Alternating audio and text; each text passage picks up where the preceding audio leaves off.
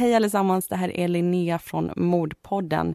Jag vet att Amanda och jag sa att vi skulle ha ett litet uppehåll nu under sommaren. Vi skulle inte släppa några nya avsnitt förrän i höst. Men vi har bestämt att vi ska bryta det här sommaruppehållet lite med ett premiumavsnitt. Och det här är alltså ett smakprov ifrån de avsnitt som vi gör hos Podme. För hos dem så producerar vi ett premiumavsnitt varje månad och de avsnitten finns egentligen bara hos Podme. Men vår midsommarpresent till er är helt enkelt att lägga upp ett av de här avsnitten i gratisflödet flödet. Så vi hoppas att ni tycker om det här avsnittet. Vi hoppas att ni njuter av sommaren och får njuta av vädret, vare sig det är bra eller dåligt. Nu ska vi rulla igång det här premiumavsnittet.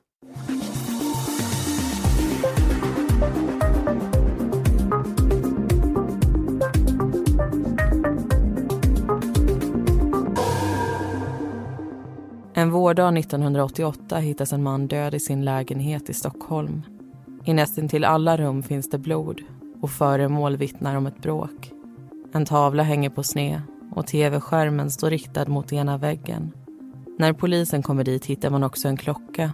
Klockan blir ett av utredningens största spår. Man drar slutsatsen att den troligen lämnats kvar av gärningspersonen och polisen gör allt de kan för att spåra upp ägaren. Lyckas de är man säker på att fallet är så gott som löst.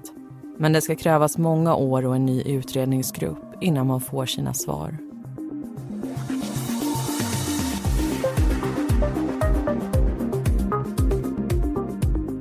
Du lyssnar på Mordpodden, en podcast om den mörka verkligheten. I veckans avsnitt ska du få höra om kampen mot klockan.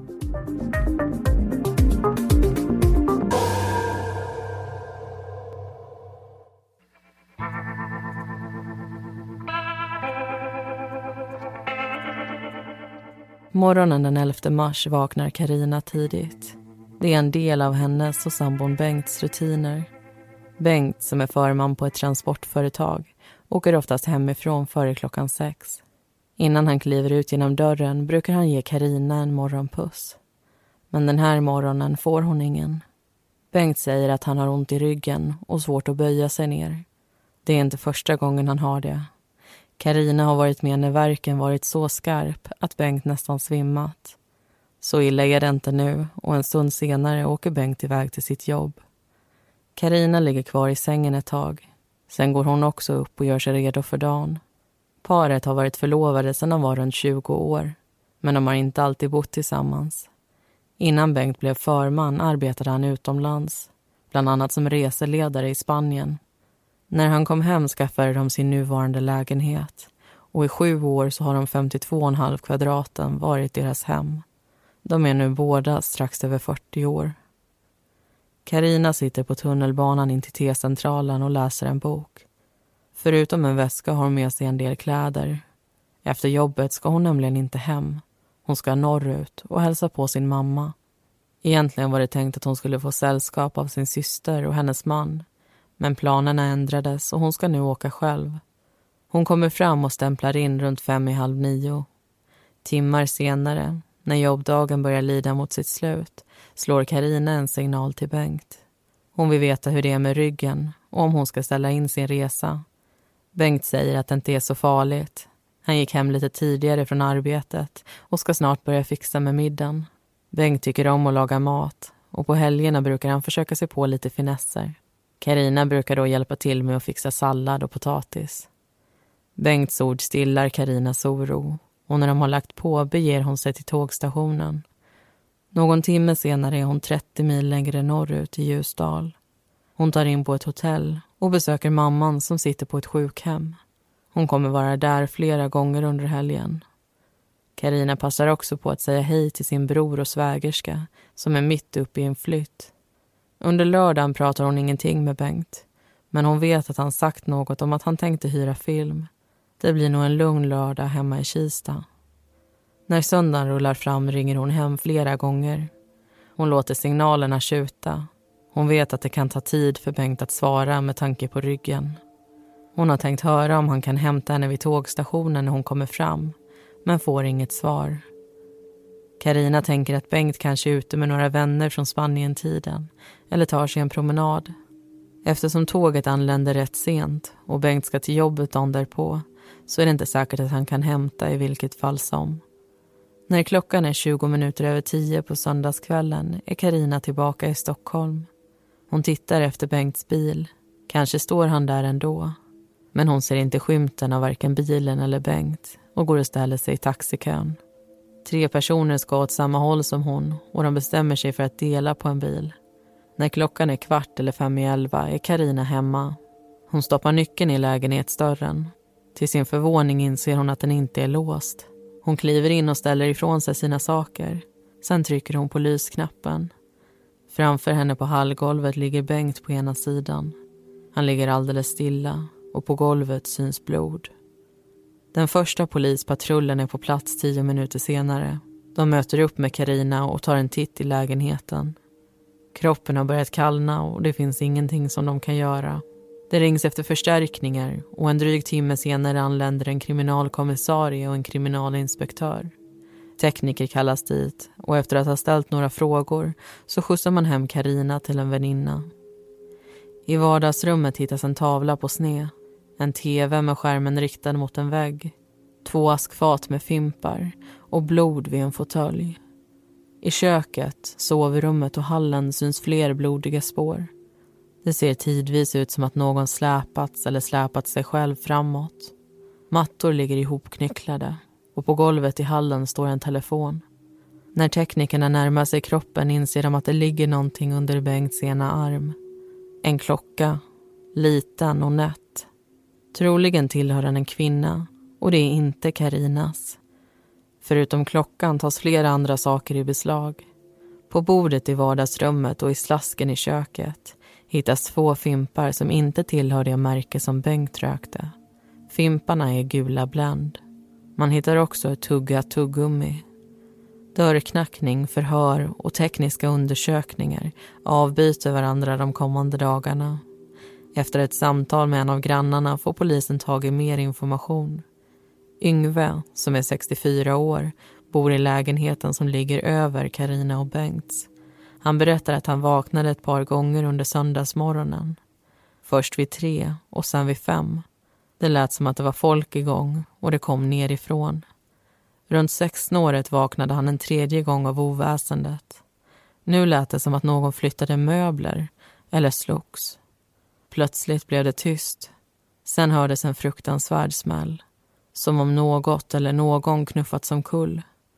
Yngve gick fram till ett fönster. När han tittade ut genom glaset såg han hur en man och en kvinna klev ut genom porten. De var bara i hans synfält i några sekunder men det var tillräckligt för att han skulle bilda sig en uppfattning. De gick lite lustigt och han tror att de var berusade. Mannen höll kvinnan nära och de pinnade på fort. Förutom klockan har polisen nu också ett signalement. Inom kort kommer det hela vara uppklarat. Det är i alla fall vad de tror.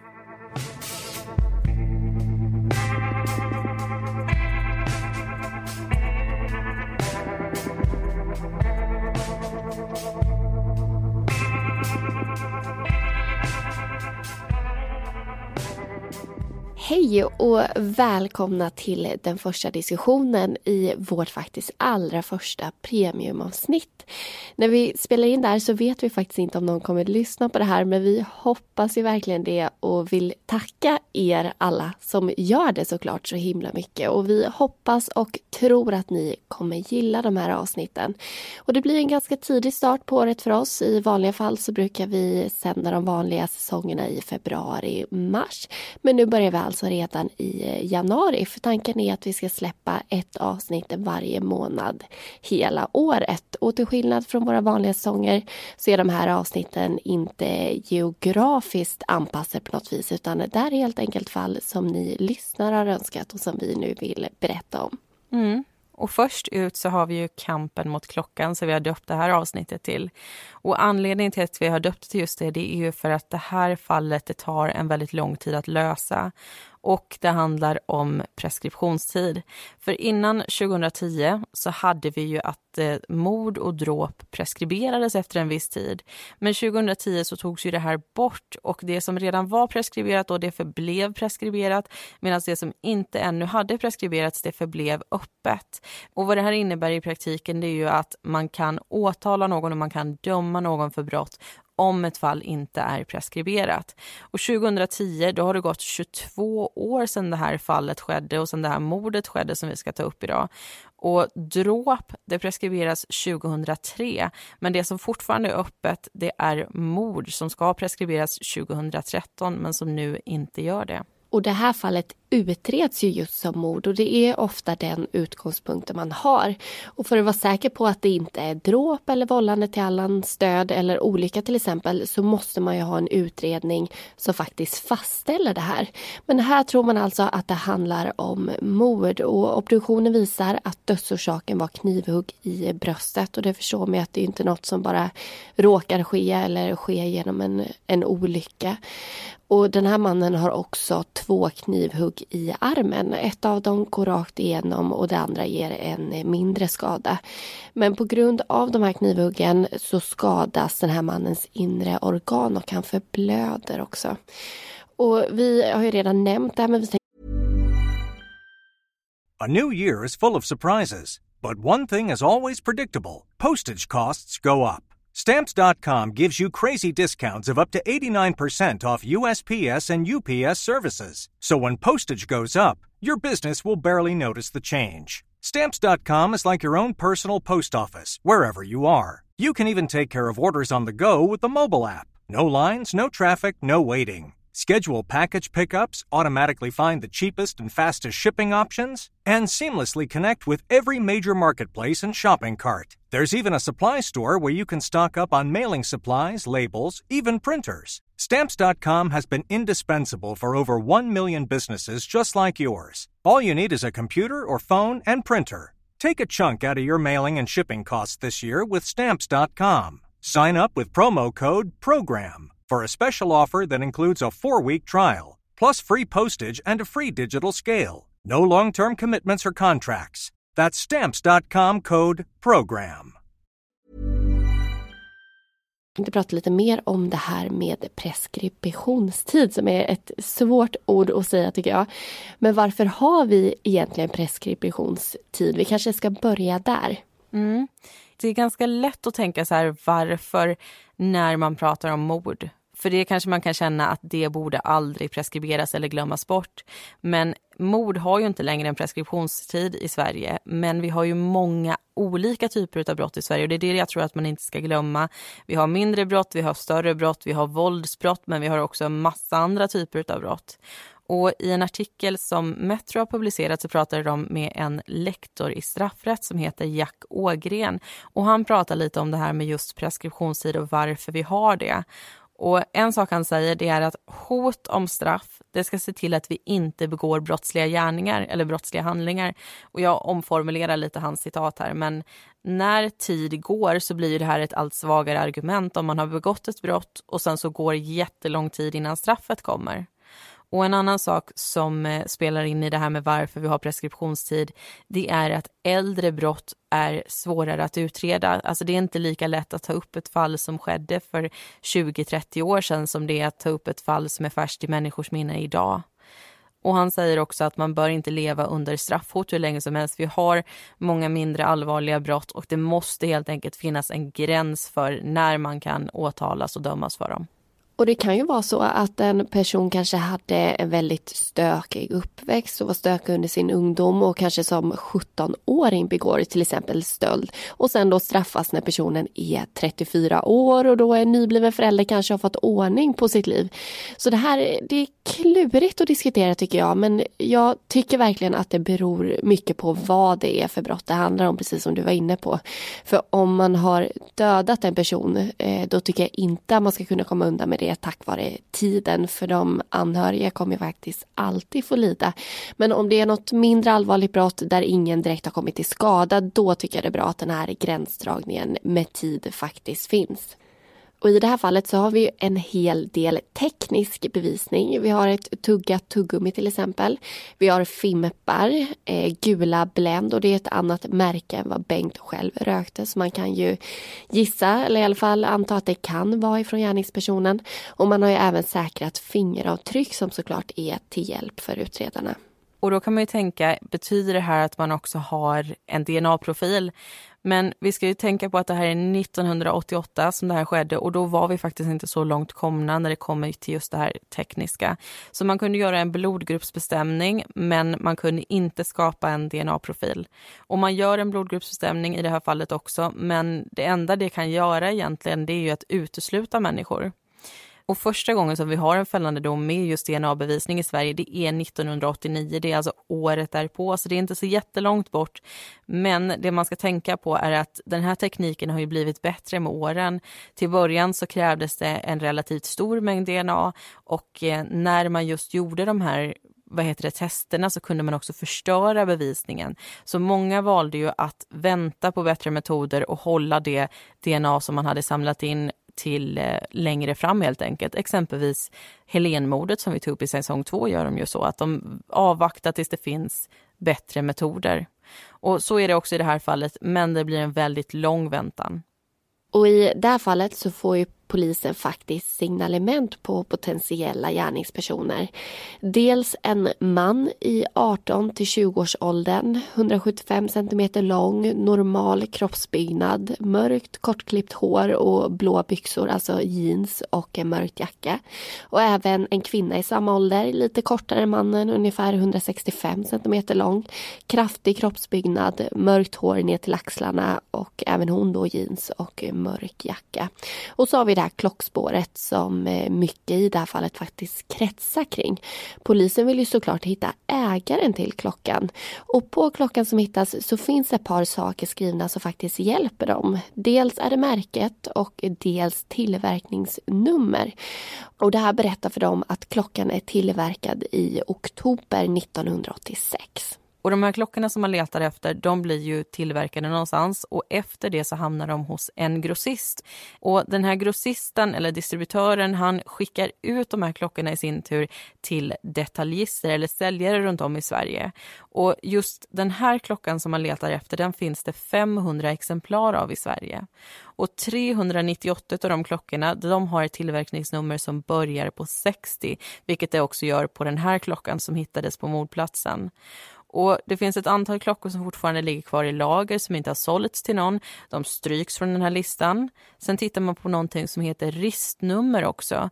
Eh, vissa detaljister när de säljer sina klockor de ristar in en liten grej i dem så att de vet att det är deras klocka som har sålts från just deras ställe. Och Den här klockan som man hittar vid mordet den saknar ett ristmärke så alla de som har ristmärken de stryks också från den här listan. Och kvar har man till slut 130 köpare och 130 klockor. Och polisen i sin tur, de tar kontakt med de här alla köparna och 121 personer av dem, de visar upp sin klocka medan nio stycken av de här, de berättar att de har tappat sin klocka. Och en av dem som har tappat sin klocka, det är Lena och hennes berättelse ska vi lyssna till nu.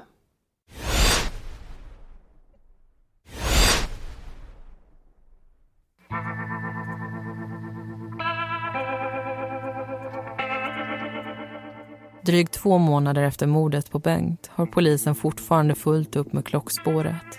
De har en lista och ringer runt och ber människor läsa upp tillverkningsnumret på sina klockor.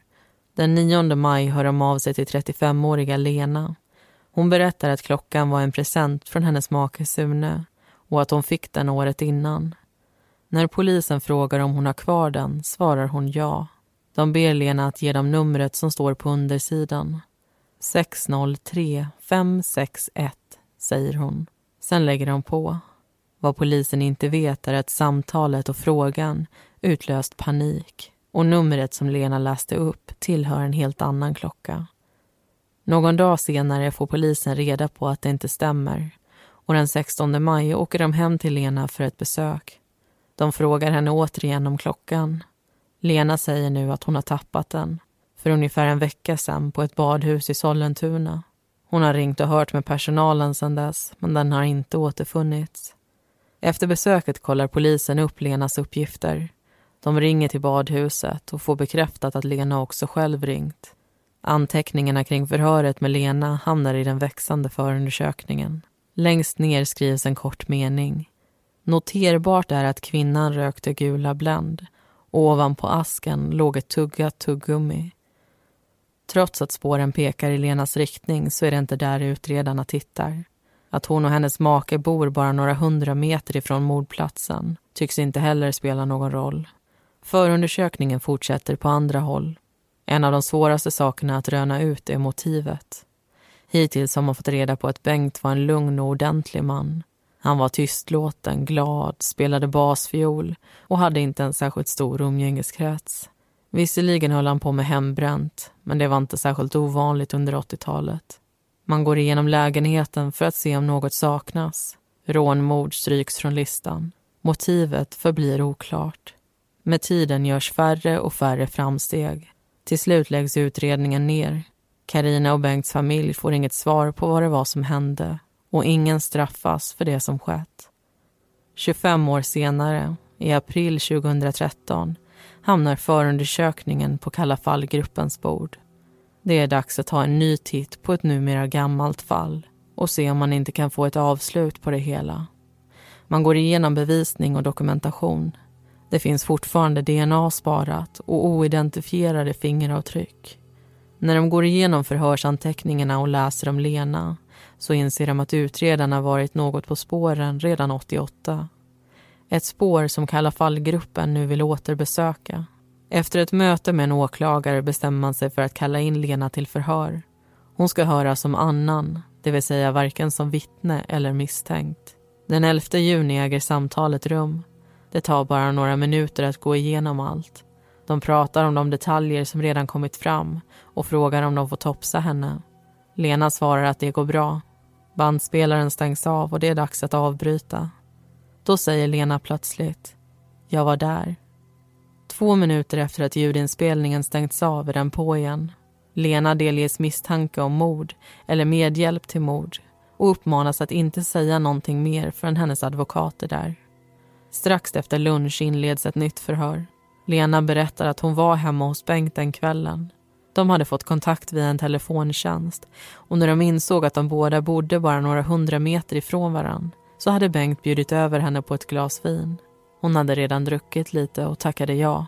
Hennes man Sune låg och sov när hon klev ut ur porten. En stund senare var hon framme. Bengt välkomnade henne in. Han var ensam. Det dröjde dock inte länge innan det ringde på dörren. En okänd man och kvinna gjorde dem sällskap. Bengt och mannen kom i slagsmål och Lena gick hem. Förhörsledarna ber Lena att gå igenom händelseförloppet gång på gång beskriva små såväl som stora saker. När gick hon hemifrån? Hur kom hon in genom porten? Hur såg de andra gästerna ut? Drack de något? Hur såg Bengt ut? Situationen är märkbart jobbig för Lena. Hon suckar, mumlar, säger att hon inte minns. Frågorna blir skarpare. Lenas berättelse ifrågasätts på flera punkter. Bengt beskriver hon som tunnhårig, ungefär 40 år, trevlig och lite längre än hon själv. Men när det kommer till mannen och kvinnan så kan hon inte minnas någonting mer än att mannen var kraftig men inte tjock. Hon kan heller inte säga hur hennes klocka hamnade under Bengt. När polisen frågar henne varför hon inte sagt någonting om sin involvering så säger hon att hon skämdes. Eftersom grannen sett ett par gå ifrån mordplatsen i samband med en duns blir det naturligt för polisen att i nästa steg kalla in Lenas man Sune. Dagen efter är han på plats. Likt Lena blir han topsad och båda två får lämna fingeravtryck. Under samtalet berättar Sune att han och Lena varit gifta sedan 75. De har två barn tillsammans och även barnbarn. Idag är han pensionär och Lena går på sjukersättning. Men tidigare arbetade han som försäljningsingenjör medan Lena var vårdbiträde. Han minns inte särskilt mycket om det som hände 1988, mordet och klockan. Bara att Lena berättat om ett besök från polisen. Sune säger också att han visste om att Lena brukade använda olika telefontjänster. Den 20 juni får Kalla fallgruppen reda på att Sune befunnit sig i Bengts lägenhet. Hans fingeravtryck matchar nämligen ett av de avtryck som säkrats under utredningen 88. Även Lenas avtryck hittas på ett dricksglas och hennes DNA på en cigarettfimp. Fyra dagar senare genomförs en husrannsakan i deras hem och Sune delges misstanke om mord. Båda har hållit sig till den berättelse de lämnat från början. Det är bara när bevisning lagts fram som de ändrat någon detalj. Så blir det även nu. När Sune får reda på matchningen av fingeravtryck så säger han okej, okay, vi var där. Han berättar att han och Lena tagit något glas vin den kvällen. Han tror det var fredagen och inte lördagen. Men det är länge sedan och minnet kan svika.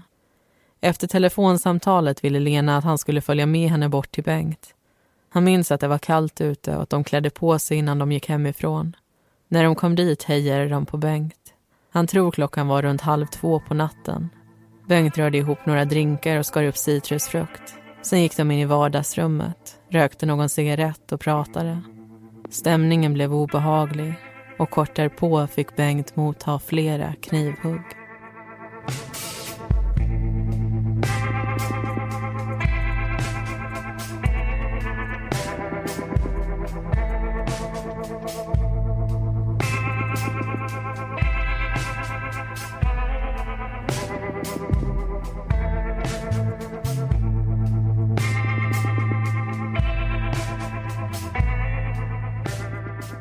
Då har det blivit dags för en andra diskussionen och vi har ju nu hoppat i tiden 25 år framåt. Så vips är det inte 1988 längre utan faktiskt 2013. Och det här är ju väldigt lång tid för familjen att vara utan svar och jag tänker att det även är väldigt lång tid för gärningspersonerna att hålla sin hemlighet. Och det här blir ett case för Kalla fallgruppen. Det finns flera sådana grupper i Sverige och de tittar på fall där utredarna känner att de inte kommer längre i det här. Och Kalla fallgruppens jobb det blir ju helt enkelt att gå igenom allting igen. Att kolla på den här förundersökningen, se till de förhör som är gjorda, kolla över bevisningen och helt enkelt se vilka riktningar som de här tidigare utredarna har tittat i och se om man kan hitta en annan riktning eller se andra spår som leder åt andra håll. En annan sak som de gör det är att leta efter brister, att se saker som ännu inte är gjorda, att göra uppföljningar och se om ny teknik kan leda till nya framsteg. Så de gör ju nya förhör med gamla vittnen, de topsar till exempel människor som har varit aktuella i målet och eh, deras mål som grupp är att se till att alla olösta fall de ska granskas ännu en gång. Även om en förundersökning har lagts ner, även om det har gått många år, så ska de anhöriga veta att det här fallet, det är inte slängt i någon hög, utan det ska granskas ännu en gång. Vi kommer titta på det ännu en gång. Helt enkelt en grupp som inte ger upp kan man säga. Och de här Kalla fallgrupperna det är väldigt små grupper. 2018 så var det sex personer i Region Syds Kalla fallgrupp och samma siffra i Region Väst. Och den 24 december, alltså julafton 2018, så hade man 630 olösta mord. Så de har en ganska stor kaka att bita i. Och det här är en siffra som ökar och det beror ju delvis på att mord, precis som vi var inne på, inte längre har preskriptionstid. Och sen så har man ju också fler skjutningar som hamnar på den här Kalla fallgruppens bord. Eh, generellt sett så har vi i Sverige en ganska bra uppklarningsprocent när det kommer till mord. Vi är väldigt bra på att lösa mord. Men det finns ett undantag till den här regeln och det gäller skjutningar i gängmiljöer. För där är det bara ett av fyra fall som faktiskt får en lösning. Och 2018 så skrevs det en hel del om just Kalla fallgruppen i medier och det var delvis på grund av att de hade bestämt sig för att jobba på ett nytt sätt och lägga upp information om olika olösta fall på nätet. Och det här gjorde de för att de vill ha in tips. Så går man in på polisen.se aktuellt kalla fall med ett bindestreck mellan kalla och fall. Då kommer man till en sida där det visas flera olösta fall och de tar upp fakta, de visar bilder på människor och de försöker helt enkelt komma ut till allmänheten och få in information så att de här fallen kan komma framåt i förundersökningarna, i utredningarna och eh, förhoppningsvis bli lösta. Och oavsett hur lång tid faktiskt har gått så är det ju väldigt viktigt för de anhöriga, kan jag tänka mig i alla fall, att faktiskt få svar på vad som har hänt och varför. Och det är ju i alla fall gruppens jobb att försöka ta reda på det. Och i det här specifika fallet så läggs ju utredningen ner och det beror på att utredarna anser att spåren helt enkelt inte räcker till för att man ska kunna ta reda på vem det är som har gjort det här. Och där kan jag säga att där blir jag väldigt förvånad. För jag har ju, eh, jag har ju tagit del av den här förundersökningen och den dokumentation som fanns 88. Och jag tycker att det är väldigt mycket som styr utredningen mot just Lena och att följa upp det spåret. Vi vet till exempelvis att hon uppger fel tillverkningsnummer. Och visst, det kan bero på både att hon ljuger men också att hon har sagt fel. Men när polisen som kommer hem till henne så är klockan plötsligt borta. Och det kan jag tycka är lite, lite för stor av en tillfällighet för att det, de två ska gå ihop utan att man höjer på ögonbrynen. Och det finns ju faktiskt folk som ser de här sambanden, för vi ser ju i förhörsanteckningarna som gjordes 88 att någon lägger märke till att Lena hon röker samma cigaretter som har hittats på mordplatsen och hon har ett tuggummi vid det. Och på mordplatsen så hittades också tuggummi med just de här cigaretterna. Och ändå så är det ingen som följer upp fastän folk har noterat det här. Det blir jag lite irriterad på. När det här sen kommer på Kalla fallgruppens bord, då kommer det i april 2013. Juni, då kallas Lena till förhör. Så de är ju mycket snabbare på bollen och mycket snabbare på att se just det här sambandet. Och då händer ju faktiskt äntligen lite grejer. Lena börjar öppna upp sig efter det här mötet. Hon vill nu att sanningen ska komma fram. Men sen visar det sig att både hon och Sune ljuger. De ändrar sina berättelser i och med att bevis börjar komma fram. Och till slut så säger de att ja, vi var där. Och mer om det här det ska vi berätta i nästa berättelse. Men innan vi hoppar vidare till det så vill vi hoppa tillbaka till 88 igen. Och vi ska passa på att prata lite om vem Lena och Sune var vid det här tillfället för så många år sedan. Lena hon var 35 år 1988 och Sune han var 39 år. Och vid det här tillfället när det här mordet begås då har Lena och Sune två stycken barn tillsammans.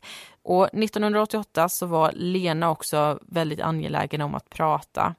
Sune han var inte alltid hemma och Lena hon tyckte om att prata. Det var någonting hon behövde göra väldigt mycket. Så hon ringde till olika telefontjänster för att just hitta människor att prata med. Och hon ringde till jourhavande medmänniska, hon ringde till jourhavande präst och hon ringde också till Heta linjen. Och det är Heta linjen som hon får kontakt med Bengt igenom. Och Heta linjen den är inte nödvändigtvis het, även om den låter så, utan eh, det, det var helt enkelt en tjänst som man ringde till som kopplade ihop en i gruppsamtal så man fick prata med någon eller några som man inte känner och sen helt enkelt eh, ja, prata och lära känna de här människorna.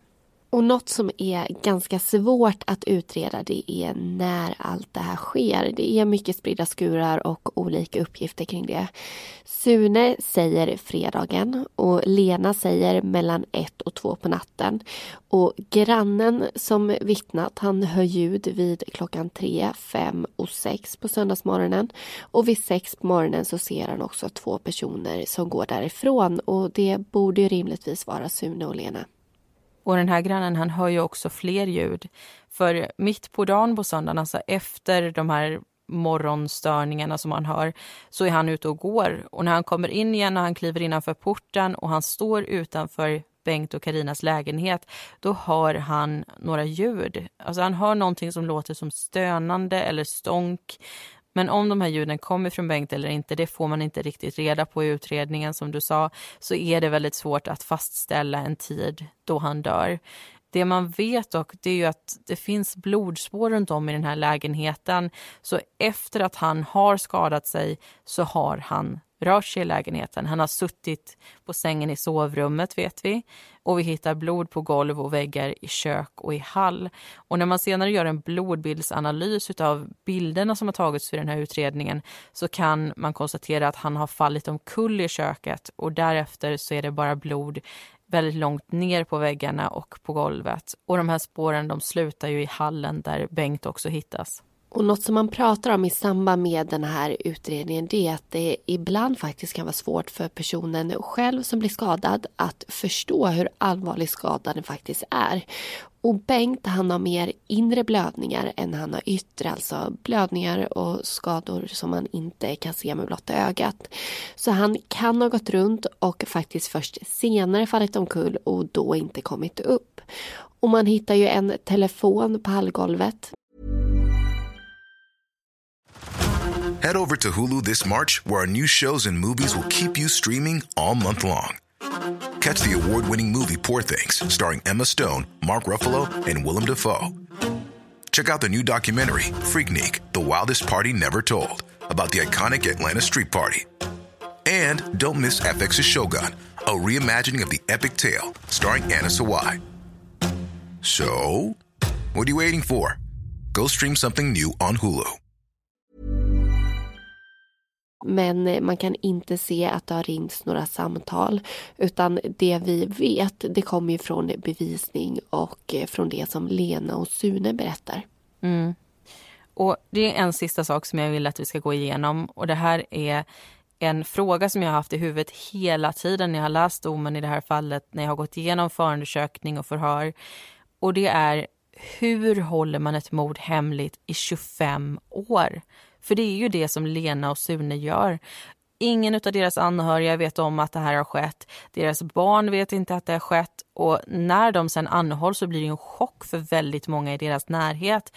Och jag bara börjar undra så här, hur mår man under den här tiden? Att i 25 år sitta på en sån jättehemlighet. Sitter man då och väntar på att bli påkommen? Sitter man och är orolig så fort man ser en polis? Och tänker man på vad barn och anhöriga ska tänka när väl det här uppdagas? Och jag har faktiskt inga svar på de här frågorna. Jag har bara frågor. För jag vet inte hur Lena och Sune mår under den här tiden. Nej. Och när slutar man oroa sig, tänker jag. Kommer man till en punkt där man tänker att nu måste vi ha klarat oss? Jag vet inte, men jag tänker i alla fall direkt på Förlösa-fallet som var det allra första fallet vi tog upp i Mordpodden. Ett fall som jag inte riktigt kan släppa. Eh, och där var ju en dotter dotter med och mördade sin egen pappa. Och låtsades alltså i flera år för resten av familjen att hon saknade honom och sörjde honom och letade efter honom och undrade vad det var som hade hänt när hon alltså hela tiden visste. Så det måste ju vara något slags eh, skådespel man gör under alla de här åren. Eh, men sen så finns det också de såklart som är på flykt men som sen kommer tillbaka självmant och alltså hellre går igenom en rättegång och avtjänar sitt straff än att ha den här kanske ständiga känslan av att vara jagad och kanske oron om att bli påkommen. Och de här två, Lena och Sune, de väntar alltså tills de blir tagna 25 år senare. Och nu är det dags att lyssna vidare på berättelsen och ta reda på vad som egentligen hände den där kvällen.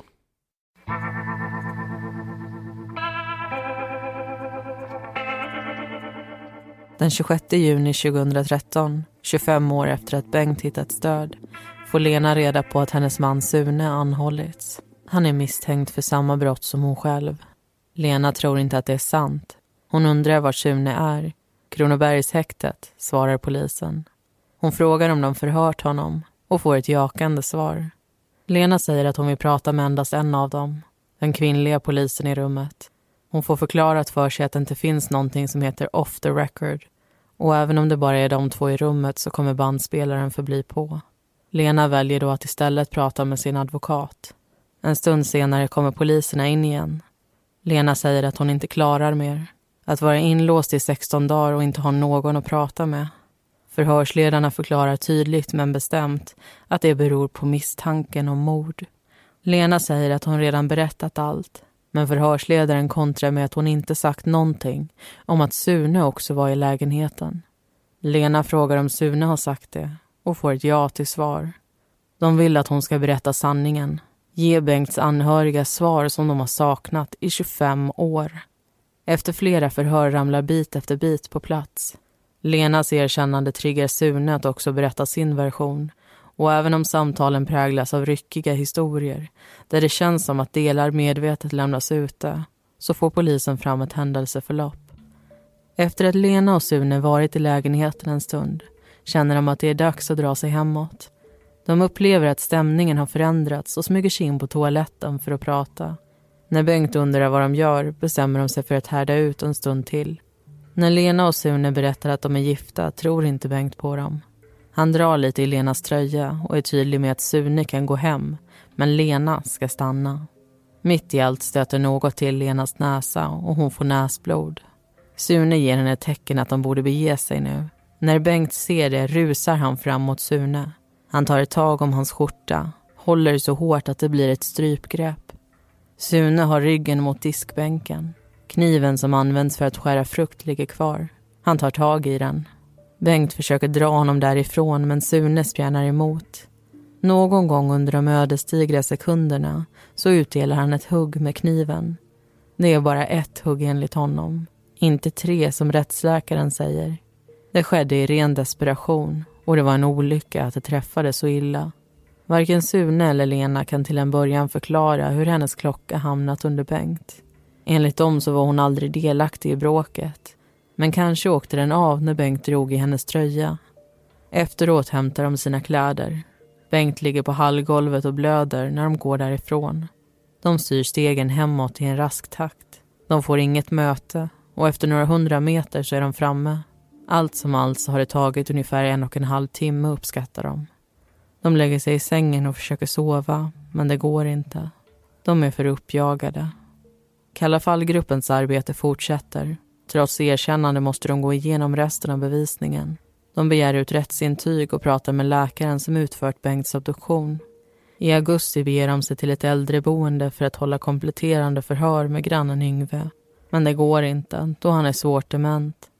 Genom fotografier görs en blodbildsanalys och man pratar med Karina, Bengts före detta sambo och poliserna som var först på plats 1988. Den 24 september får man svar på en IT-analys som gjorts på en dator som tagits i beslag. Tre dagar efter Lenas anhållande har någon sökt på vad händer med pension om man hamnar i fängelse? När åklagaren känner att de har tillräckligt på fötterna väcks åtal. Lena förnekar all inblandning i de brottsliga gärningarna medan Sune erkänner att han har huggit Bengt med en kniv men att han agerat i nödvärn. Vittnen hörs och bevisning plockas fram del för del. Att Lena säger sig ha fått näsblod går inte att bevisa.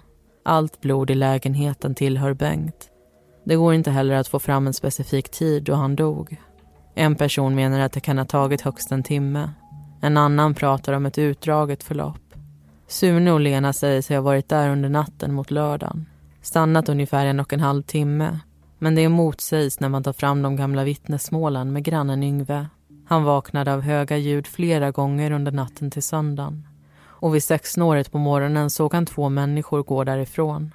Åldersspannet stämmer visserligen inte, men det gör utseendet och den raska takten. Och om hans uppgifter är riktiga så har Sune och Lena stannat kvar bra mycket längre än de sagt. I hallen där Bengt hittades stod också en telefon på golvet. Blodet på den tyder på att Bengt försökt ringa efter hjälp men hindrats av någon. Mycket tyder på att det har skett mer i lägenheten än vad Sune och Lena berättat. Kanske är det minnena som sviker dem. Eller så är det skam och rädsla. Skam över vad de har gjort. Rädsla över vad som ska hända nu. Den 22 november behöver de inte längre fundera på det. Domen i fallet meddelas. Man har kommit fram till att det är Sune som har orsakat Bengts död. Att våldet inte kan betecknas som nödvärn och att Lena inte har varit involverad. Men så kommer man till bedömningen. Om det är mord eller dråp. Tingsrätten anser att det handlar om dråp. Ett brott som vid tillfället varit preskriberat i tio år. Åtalen ogillas och Sune och Lena släpps därmed fria. Karina rånades på en framtid tillsammans med en man hon älskat i över 20 år. Efter mordet kände hon sig som en zombie. Hon kontaktade psykiatrin och pratade med en nära vän. Bengts syster var den som tog hand om det praktiska. Hon fixade med begravning till sin lillebror och mycket annat. I sex månader körde hon på. Sen hann sorgen ifatt henne också. Den första julen var jobbig. Bengt brukade alltid fira tillsammans med sina föräldrar och sin syster. Den 22 december var dessutom hans födelsedag. 1988 skulle han ha blivit 44 år. Med domen så kommer svaren. Visserligen inte alla, men mer än man haft de senaste 25 åren. Vad som fortfarande tycks saknas är rättvisan. För trots erkännande och bevisning får ingen motta ett straff. I alla fall inte ett fysiskt sånt. Lena och Sune kommer troligen alltid bära med sig minnen av det som hänt. I 25 år höll de inne på en hemlighet och med det många känslor. Om domen bidrar till lättnad, mer skam eller andra känslor, det är bara de som kan svara på.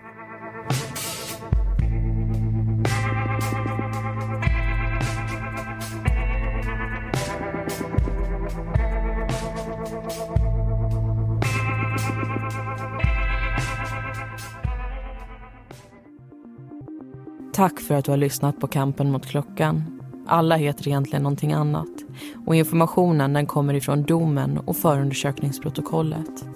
I februari är vi tillbaka med ett nytt premiumavsnitt. Var med oss då.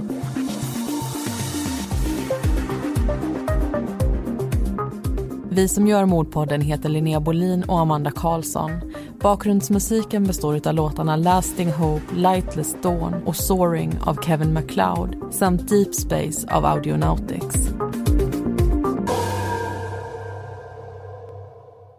Hej, det här var Linnea igen. Jag vill bara tacka er så mycket för att ni har lyssnat på det här premiumavsnittet.